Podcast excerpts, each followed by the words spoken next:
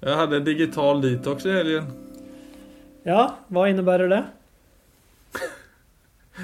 Det innebærer at jeg lämnade telefonen hjemme når vi stakk på hytta.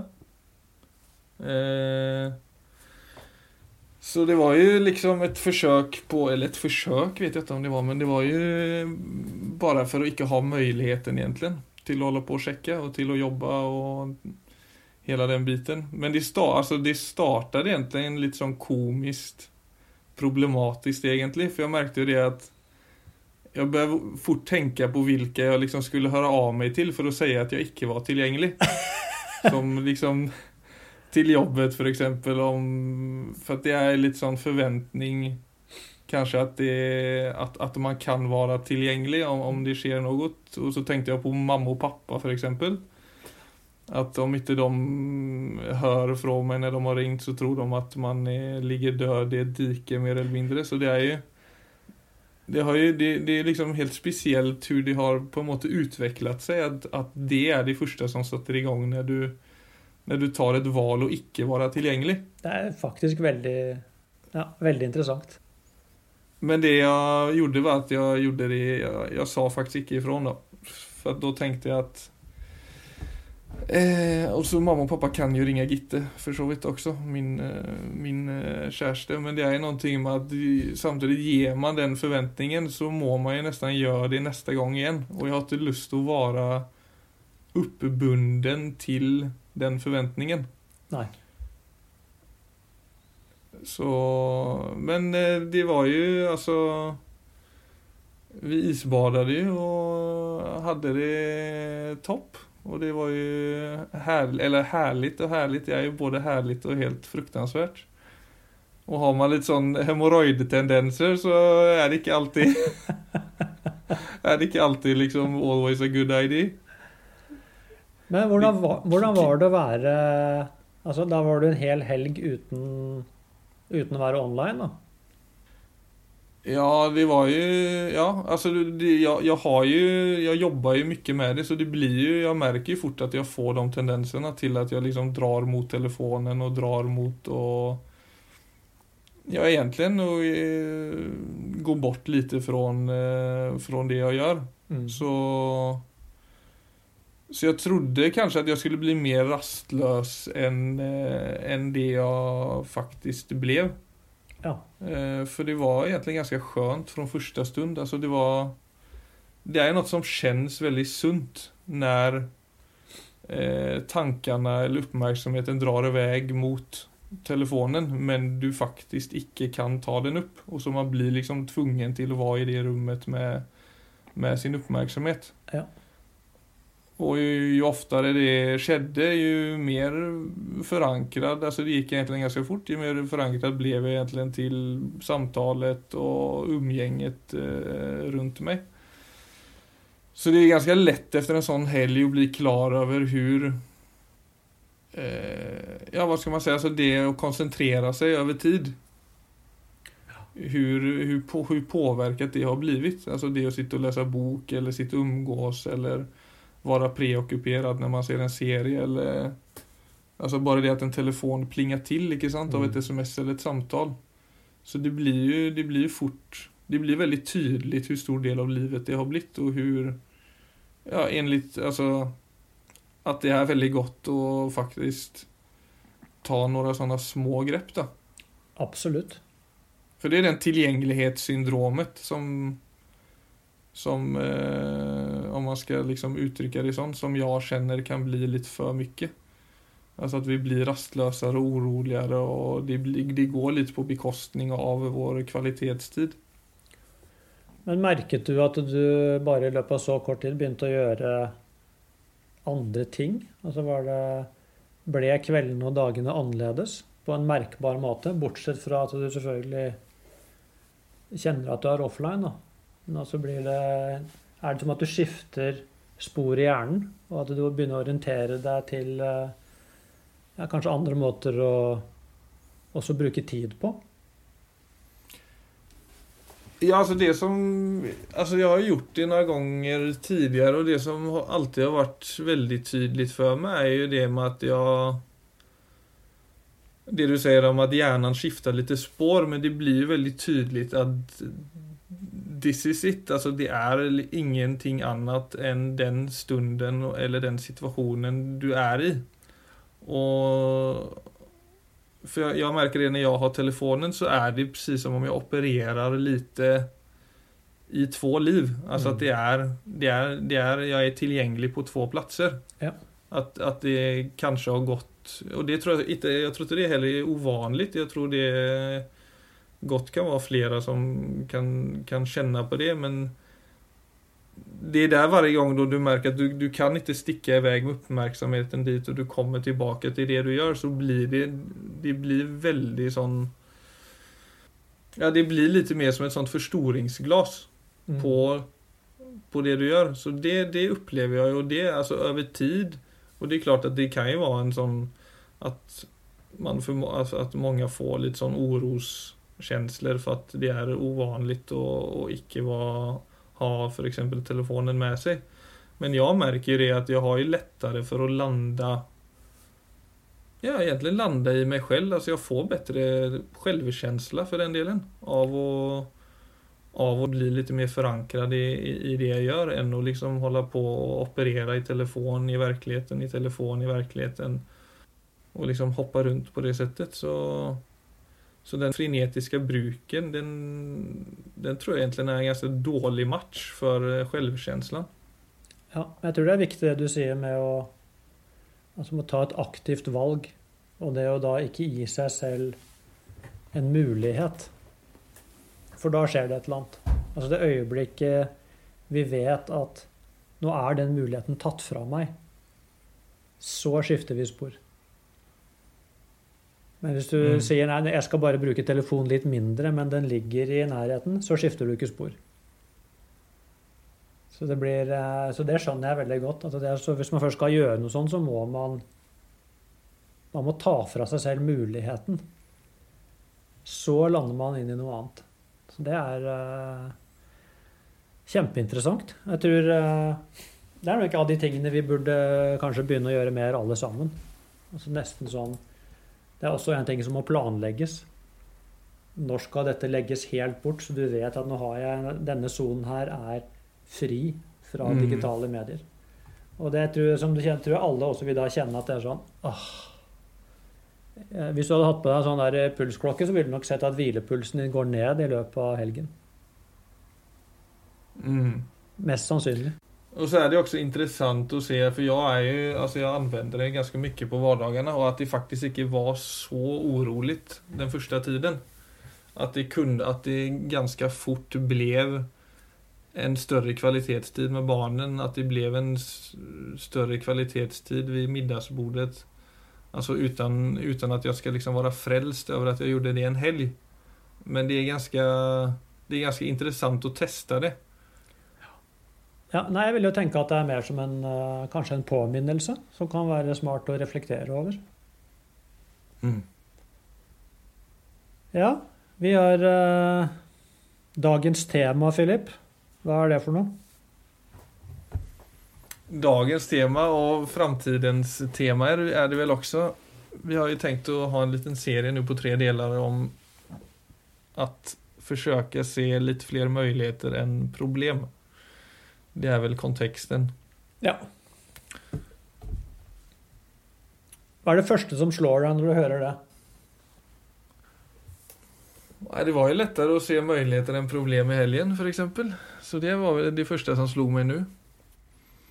Men eh, jeg tror jo For min del så har Jeg tror se muligheter för problem har nå vært et sånt förebyggande projekt. Alltså vad jag gör i förkant för att kunna ta meg an det mindsetet. Og det er en sånn typisk greie med å ikke hålla på å jämföra meg med andre på sosiale medier, ikke hålla på å ta opp eh, telefon i onödan.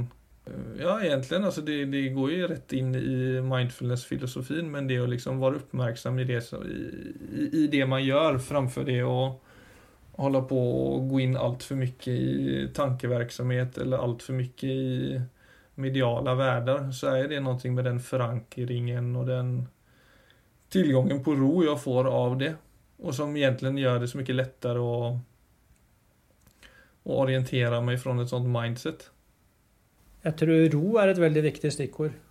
I, alltså du skal se på dette med å klare å skifte mindset, som jo ofte det vi må gjøre hvis vi skal eh, komme ut av et problemfokus og inn i et mulighetsfokus. For at du kan si vi er jo egentlig designet fra naturens side på å se problemer. Så hvis vi skal ta denne diskusjonen med å se muligheter istedenfor problemer helt tilbake til start, og det tror jeg er veldig nyttig hvis vi skal prøve å forstå det, så er det jo å se hvordan mm. hjernen har utviklet seg gjennom evolusjonen. Dette har vi jo snakket om tidligere. Men altså dette med På en måte så er jo hjernen en overlevelsesmaskin. Og i et sånt eh, Og skal du overleve, så må du på en måte se farene før de oppstår. Så det å ha et overlevelsesfokus og det å ha et problemfokus, det er på en måte to sider av eh, samme sak. Og de instinktene ligger i oss. Fra, altså det, er jo, det er jo hardwired inn i hjernen og nervesystemet. Og selv om eh, man ikke er truet på overlevelse i sin hverdag i det hele tatt, så dukker jo de samme instinktene opp og setter seg i tankelivet vårt. Og der blir det plutselig alle disse moderne problemene. Altså sånn som eh, grubling og bekymring og altså negativt selvsnakk og sammenligning, alle disse tingene. Jeg vil føre alle de tingene tilbake til uh, hjernens evolusjon og utvikling. Det kan være litt viktig å forstå for folk, for da kan du se at det er ikke noe feil med meg, selv om jeg holder på på den måten. Det er veldig mm. sterke, naturlige instinkter som ligger i det menneskelige systemet. Mm. Men det er ikke dermed sagt at jeg er dømt til å ha det sånn. Det er naturlige instinkter, men det går an å trene seg opp til å bruke sinnene på en mer konstruktiv måte. Og da er jo selvfølgelig nøkkelordet det er tilstedeværelse. Så på en måte kan du si det er akkurat en av tingene man trener på i mindfulness, det er jo å bli klar over autopiloten. Jeg er så til stede i mitt mm. eget liv at jeg legger merke til når jeg f.eks. går inn i et sånt eh, problemfokus. Hvis ikke du legger mm. merke til det, så er du på en måte dømt til å fortsette å gå ned den eh, samme stien. Mens i det øyeblikket du legger merke til f.eks.: Oi, nå har jeg begynt å bekymre meg igjen. Av god, gammel vane. Så vil du se at i øyeblikket du blir klar over det, så får du muligheten til å skifte spor. Mm. Og det har med ro å gjøre. Altså sånn, så hvis du går og er sånn superstimulert hele tida, så, så, forsvinner den muligheten. Ja, for det er interessant det du sier med, med den på en måte Altså bakgrunnen vi har i, i at overleve just altså Om vi ser på engstelighet eller uro eh, og stress for den delen For jeg kan jo kjenne det at det er just de følelsene der som gjør det svårt for meg. og det, er som att, det är som att sätta sig på en nästan sånn obekväm stol. Alltså kroppen blir sånn Det er veldig vanskelig å falle til ro på en obekväm stol. Mm. Alltså det er sånn Kroppen blir veldig väldigt sånn stiff av disse känslorna om man på en måte fastnar og henger seg opp i det allt för mycket och tar dem for personligt. Men så, som du sier så er det en veldig sånn det er veldig gode grunner til at de känslorna som kanskje er det vanligste i en vardag sånn rent problematisk. Nei, og det Altså jeg tenker Det er jo også et instinkt hvis det først har dukket opp litt stress eller et lite ubehag, så vil jo autopiloten alltid da prøve bare å dekke over det. Eller å altså dytte det ned, distrahere deg inn i noe annet for å bli kvitt det lille ubehaget. Så og da går vi inn i disse onde sirklene. Så stress, f.eks., som jo i dag er ja, hvem har, ikke, hvem har liv uten stress? Det er jo mer eller mindre ingen. Stress er jo allerede en tilstand hvor egentlig alarmen har gått i hjernen.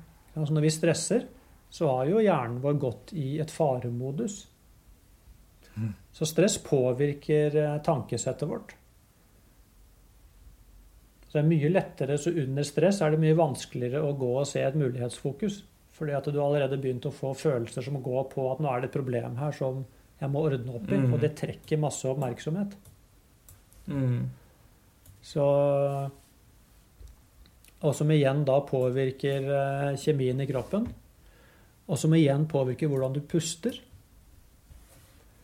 Og det vi stort sett gjør når vi begynner å stresse, er at vi begynner å puste fortere. Og begynner å puste litt høyere i kroppen. Og det interessante med det, da vil også pusten din fortelle hjernen at det er fare på ferde. Så hvis du puster litt for fort og litt for overfladisk, og du har begynt å gå i stress, så begynner nå, så begynner du å komme inn i et, et rom i deg selv hvor det kan være veldig mm. vanskelig å skifte spor. Det, rett, det, kan være lett i teorien. Du kan vite egentlig alt sammen. Men det å faktisk gjøre det, det blir, eh, det blir som å gå mot strømmen. For det er så mange systemer som har begynt å orientere seg mot det samme. Nemlig her er det noe som jeg må løse opp i. Ja, det er det jeg tror jeg også opplevde i helgen, når du kjenner på en uro, sånn som man til vanlig Om jeg, kan kjenne, om jeg kjenner på en, en rastløshet eller en uro, så går jeg rett inn i telefonen per automatikk som en eh, som et sett å håndtere det på. Definitivt. Yes. Men så blir det eh, någonting som kanske speglar den oron, men det er samme frekvens, så det gir meg ingen ro. Der tror jeg du sier noe veldig viktig. Det, og det er jo en ferdighet man kan trene på. Det å klare å skape et brudd. Når man går inn i eh, altså den type uromodus. Altså, da er det jo uro i kroppen, men det blir også uro i tankene. Du vil si at Tankene dine reflekterer den følelsen du har i kroppen. Så de speiler hverandre. Så det å, og hvis man da bruker distraksjon for å prøve å komme bort fra det, så bidrar du egentlig bare med mer uroenergi inn i det samme systemet. Så den løsningen som vi ofte tar på instinktet, den blir bare en del av problemet. Mens den virkelige løsningen ligger i å skape et brudd. Og da må vi klare å egentlig lande tilbake i oss sjøl. Så det er jo det, må si, egentlig det briljante med mindfulness-meditasjon, er jo at du, du trener på det hele tida. Du bringer oppmerksomheten hjem. Og uansett hva du tenker eller føler, så lærer du å sitte med det og si at det er ikke så farlig å sitte med litt uro. Det er ikke så farlig å sitte med en vanskelig tanke. Det er ikke så farlig å sitte med en vanskelig følelse. Du, eh, mm. Istedenfor å flykte fra det, så er det hvis du bare lar det være som det er, og finner mm. pusten din og puster deg gjennom, så faller systemet til ro veldig, veldig fort. Og det mm. er Det er en utrolig viktig ferdighet å ha. Det, det, er akkurat som du hele tiden du vet at du bare kan ta bort uh, kruttet i bomba. Egentlig bare ved å bringe oppmerksomheten hjem og sitte litt med det. De, det tar egentlig bare sekunder. Så skifter, eh, og da skifter kroppen tilstand. Og når kroppen skifter tilstand, så er det jo mye mm. lettere å, å endre tankegang. Men det er veldig vanskelig å gjøre det motsatt. Hvis det er uro i kroppen, så er det akkurat som om kroppen holder på med én ting, og så skal jeg prøve å få sinnet mitt til å holde på med en annen ting. Det funker ikke. Det blir bare indre konflikt.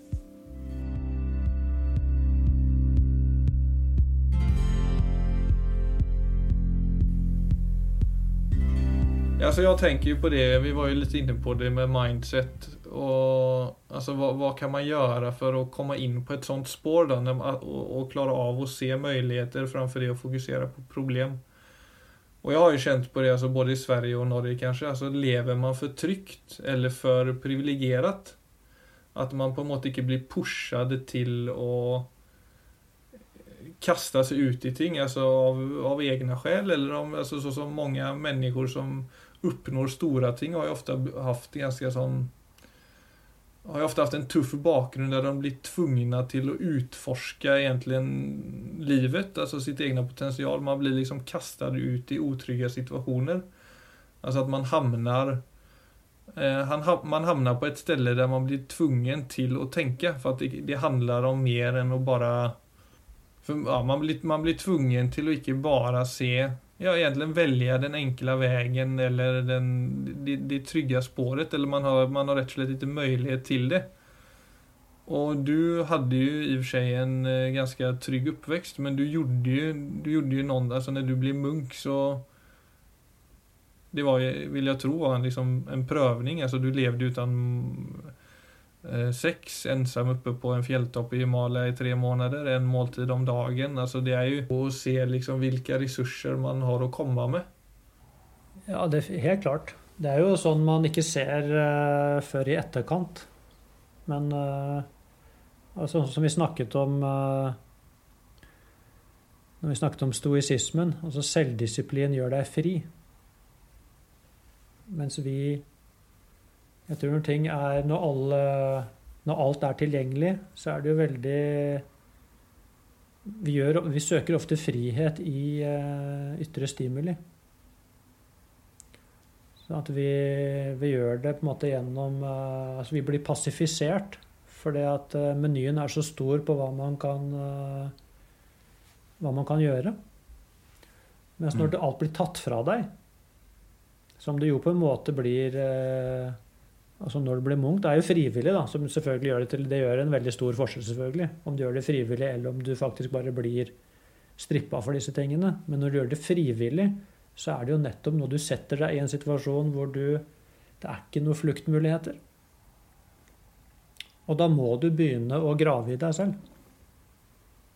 Så det er en veldig smart måte å tvinge fram egne ressurser på. Men det er mm. selvfølgelig Men det som Som alle ting som betyr noe, så vil det alltid koste noe. Så der tror jeg nok det er dette med altså moderne mennesker, i, i hvert fall i Skandinavia, når vi har det så bra, så er det Hvorfor skal jeg gidde det når jeg har det så bra egentlig uten å gjøre noe særlig anstrengelse? Og så kan det hende at det slår deg ikke i bakhodet før du er 30 år senere. Så det er noe med å virkelig se Altså, hva er det denne livsreisen går ut på? Hvilke, hva er det jeg trenger å finne for å, for å virkelig leve et godt liv? Og klart, Hvis du finner ut det litt tidlig, så tar du noen sånne grep mm. som vi snakker om nå. Men, men, jeg tror jo også det at altså Hvis jeg ser tilbake på de åra før jeg ble munk, så var det jo mm. Jeg tror noe av problemet var at uh, Det var ikke det at livet var var enkelt. Du, det, er det, det, er egentlig veldig komplekst, det. At du har alt. Og så kjenner du på at du ikke er fornøyd. Så det er som om Det er som om Ja, men nå skulle jeg jo hatt det bra. Men så har du det ikke bra. Men det som egentlig er problemet, er at du ser ikke hvorfor. Du ser ikke, du ser ikke at løsningen f.eks. er at nå må jeg begynne å nå må jeg begynne å disiplinere meg. Jeg må begynne å stramme opp meg selv for å få tak på de tingene som ligger iboende i mennesket. Jeg ante jo ikke at de tingene fantes. Det var jo på en måte bare en tilfeldighet. At jeg dro til India og møtte, møtte buddhismen og tilfeldigvis ble truffet så hardt av det at jeg bare hoppa inn i det. Så det tror jeg er veldig viktig å huske på i dette. Vi lever jo også i altså Vi lever jo i et samfunn og et narrativ hvor altså nettopp det vi snakker om nå, har falt ut litt. Ellers så Dette skulle jo egentlig vært i utdanningssystemet vårt. Det skulle kanskje vært enda mer framme når vi snakker om uh, barneoppdragelse. Det å finne den balansen mellom altså trygghet og utfordring. Nå er det blitt sånn at det ikke er lov å klatre i trær lenger. For man kan jo falle ned og slå seg. Så alt dette er jo godt ment, men også den polstringa som vi da vokser opp med, og hvor all, eh, altså all smerte er mm. per definisjon feil, det tror jeg er eh, en livsfilosofi som, eh, som ikke er smart for oss. Ja, altså risktagende er viktig for selvutviklingen. Alltså jag menar, det pressar ju också fram det individuella i oss. Alltså jag tänker det om alla, alltså i ett samfund där alla lever väldigt tryggt så blir det veldig fort at man også skapar en norm som alle følger. Men er det et samhälle der man liksom blir pressad til å komme i kontakt med eh, sine resurser, alltså du, du sa altså frivillig eller ikke, men at du, du blir tvungen til å grave litt mer i deg selv for å få en jobb, for å få en plass i livet, så blir det også det individuelle i oss kommer også fram av at vi blir tvungna til å ta grep. Ja, definitivt. Du vil finne da altså det særegne ved deg, som jo er veldig viktig. Mens i verste fall, sånn som det jo er i dag, da, nettopp på grunn av altså kanskje den eh, livsleden som er ganske langt framme, så er det jo Altså hva er det typisk unge mennesker griper etter? Jo, det kan jo f.eks. være altså drugs. Så du, du er nødt til å få inn et spenningselement. Men så blir det også som man pusher grenser da på, på den måten. Eller kanskje ved, som andre, altså, eller ved la oss si, risikosport og sånne ting. Mm. Som på en måte er egentlig bare av det samme. Det er bare en høyere frekvens av det samme. Mens det å Altså den virkelige risikosporten, det er jo kanskje å altså, legge bort alle distraksjoner. Og egentlig se hvem er jeg egentlig? Altså det å våge å bli kjent med seg selv bakenfor uh, ja, bakenfor all uroen og bakenfor uh, all leken. Altså den sårbarheten, altså det å være et menneske i verden. Uh, det å faktisk relatere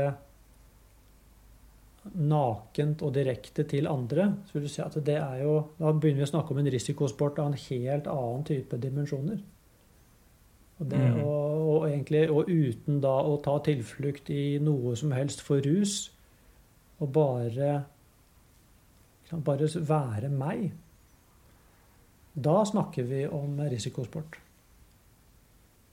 Om det er der du vil finne det vi snakker om nå, altså de ressursene som faktisk er iboende, de, de, sånn er det heldigvis laget, vil jeg si, fra naturens side. De får du ikke tak i på noen annen måte enn gjennom å være åpen og ærlig. Du kan ikke jukse. Du kan ikke jukse deg inn i deg selv. Du kan jukse i alle andre spill. Men du kan ikke jukse i livets spill. Heldigvis. Det går ikke. Ja, det er viktig å få kjenne på mens egne vinger bærer. Ja, og iblant brister. Ja. Så klart, i det vi snakker om nå, Philip, så blir det jo Vi skal binde det sammen med der vi begynte. Så det er klart, hvis du skal da begynne å Altså når du, Hvis du begynner å utforske livet, så er det klart det at det en av tingene som du er også nødt til å endre tankegang på, det er dette med å gjøre feil. For det er noe av det som hindrer oss aller mest. Vi er livredde for å gjøre noe som er feil. Eller noe som blir Mm. Mens det er en absolutt nødvendighet for vekst. Det er faktisk å tørre å erfare. Altså tørre å gjøre nye ting, tørre å prøve ut ting. Og gjennom den måten finne ut av om var dette noe for meg eller ikke. Istedenfor å si at man prøver et eller annet 'Å nei, der gjorde jeg feil, der dreit jeg meg ut', og så blir det en kjempekrise. Så der er det igjen det å få med seg dette med at du får en tankegang som er støttende til menneskelig utvikling. Hvor det er sånn at i hvordan du bruker sinnet ditt, så er det, det er rom for å prøve og feile. Og at, eh, og at feil egentlig er en av lærerne våre. En av de viktigste lærerne. For er, hvis du gjør noe som er feil, så vet du i hvert fall Da er det din erfaring. Det er ikke noe du har lest i en bok. Dette har du prøvd ut, og du vet OK, nå vet jeg det. Nå har jeg prøvd det. Så, og på den måten så kan feil bli noe man gjør én gang. Det er ikke noe man trenger å repetere.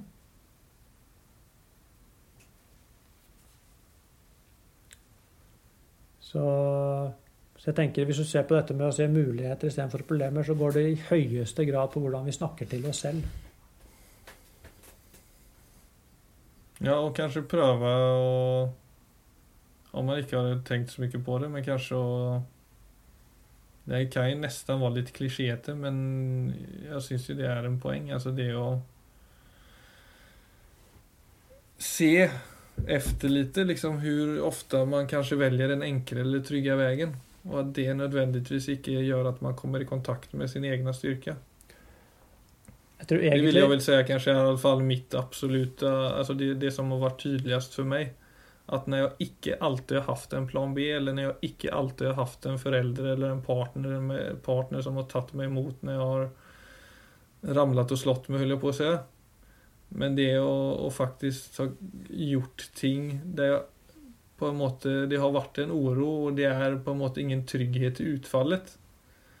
Men uansett om det har burit eller eh, gått åt skogen, så er det som du sier, om det nå ble et mislykkende eller om det ble en suksess, så er det da jeg kanskje har kjent på best kontakt med meg selv og fått best kontakt med hva, hva mitt neste steg skal bli. Ja. Jeg tror det kan være, hvis du først skal Hvis man ville tatt, tatt til seg en leveregel, så tror jeg det kunne være veldig smart å si jeg skal, jeg skal ut av komfortsonen i hvert fall én gang hver eneste dag. Litt ut av komfortsonen. Mm. Da trener du mentale muskler. For det er der igjen går på instinktene våre. Vi vil egentlig bare holde oss trygge. Men trygghetssonen vår, det er ikke det som er utviklingssonen vår. Så hvis du skal utvikle deg, så må du litt ut av komfortsonen. Ikke for mye, for da løper vi bare tilbake inn i hula vår. ikke sant? Men litt ut av komfortsonen. Så vil det være noe som vier seg ut. Så du kan si det som er i Kanskje i den røde sonen din i dag, det vil være i utviklingssonen din litt senere. Fordi du hele tiden bryter litt ut av hva du definerer som, eh, som trygt. Jeg hadde jo deg som min komfortsone i, i, mange år, holdt jeg på å si.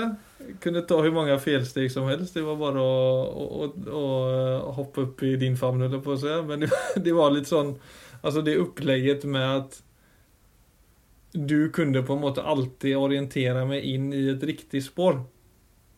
Altså det, det, var en sånn, det var en sånn idé jeg hadde de første årene. Det var ikke sånn at jeg liksom medvetet valgte å, å ta dårlige valg, men at jeg kjente på en sånn når jeg, når jeg møtte deg, da, så kjente jeg på at der hadde jeg en solid trygghet i det vanskelige som jeg går igjennom. Og i starten så ble det så trygt at jeg på en måte fortsatte å leve ut litt gamle vaner og gamle mønster. Ja. Så det er også sånn Og det ja, tror jeg kan hende liksom, når man går i terapi og når man går hos psykolog og sånn, at det fins en sånn trygg favn man kan på, på, en måte cry out hos. Ja, men det vil jeg faktisk så si. Philip, er uh, altså viktig. Det burde Ja da. De, men, de, men, ja, jeg sier ikke at det, man skal ikke mis, Men jeg tenker, nå snakker jeg mer som et slags misbruk oppe i tankene. Yes, er, at jeg kan jo ta det der ekstra glasset, og så kan det gå til helvete. eller jeg kan gå ut og gjøre ditt og datt, for det fins alltid den der personen som drar meg opp på fallet. Ja, da blir det, det, blir ikke det blir så mye selvutvikling. Nei, da, da, blir det misbruk. I lengden. Da blir det misbruk. Men ja. det er veldig fint, for at egentlig så er begge deler viktig. Det er, det er viktig å ha altså en sånn person, tror jeg, inntil man da får internalisert det. Sånn at man plutselig blir den personen selv som man hele tiden kan stole på. Men det vil jeg si er det, det trenger de fleste. At det er en eller annen ytre skikkelse som vil representere de indre kvalitetene. Men så er det nettopp da du sier det å kunne bruke en sånn person istedenfor at det blir bare et sted hvor man lesser av seg alt uh, alt som er vanskelig, og så, når det er gjort, så fortsetter jeg som før. Men det er jo egentlig et, felles, et felles ansvar, vil jeg si, mellom da ja, Enten det er en mentor eller en psykolog eller en, eh, en lærer eller hva det enn måtte hva man skal kalle det for noe. Men det er et felles ansvar. Men det er det samme, ikke sant? det er jo akkurat det samme som ja. uh, egentlig å være forelder. Ikke sant? Er det jo, foreldrene er jo da de som representerer det. Og så er det da å være så klok som forelder at ikke du at du blir så trygghetssøkende at barna dine aldri ikke sant, får lov til å gjøre noe som er litt sånn Fordi jeg tåler ikke som Mhm. forelder. Ja. Da vil du fort se at uh, du har gjort ungene Mm. dine skikkelig bjørnetjeneste. Altså det går igjen i alle disse Det går igjen egentlig alle stedene. Men det er også i forholdet Mm. mellom Og klart, når vi blir eldre, så er det jo da Så er dette mellom meg og meg. Da er det ingen andre som står der og tar den rollen. Da må jeg gjøre det selv. Og det er jo på en måte det vi snakker om her. Det at jeg, opp, jeg våkner opp til det faktum at jeg står i eksistensen, og så er spørsmålet hvordan bruker jeg dette?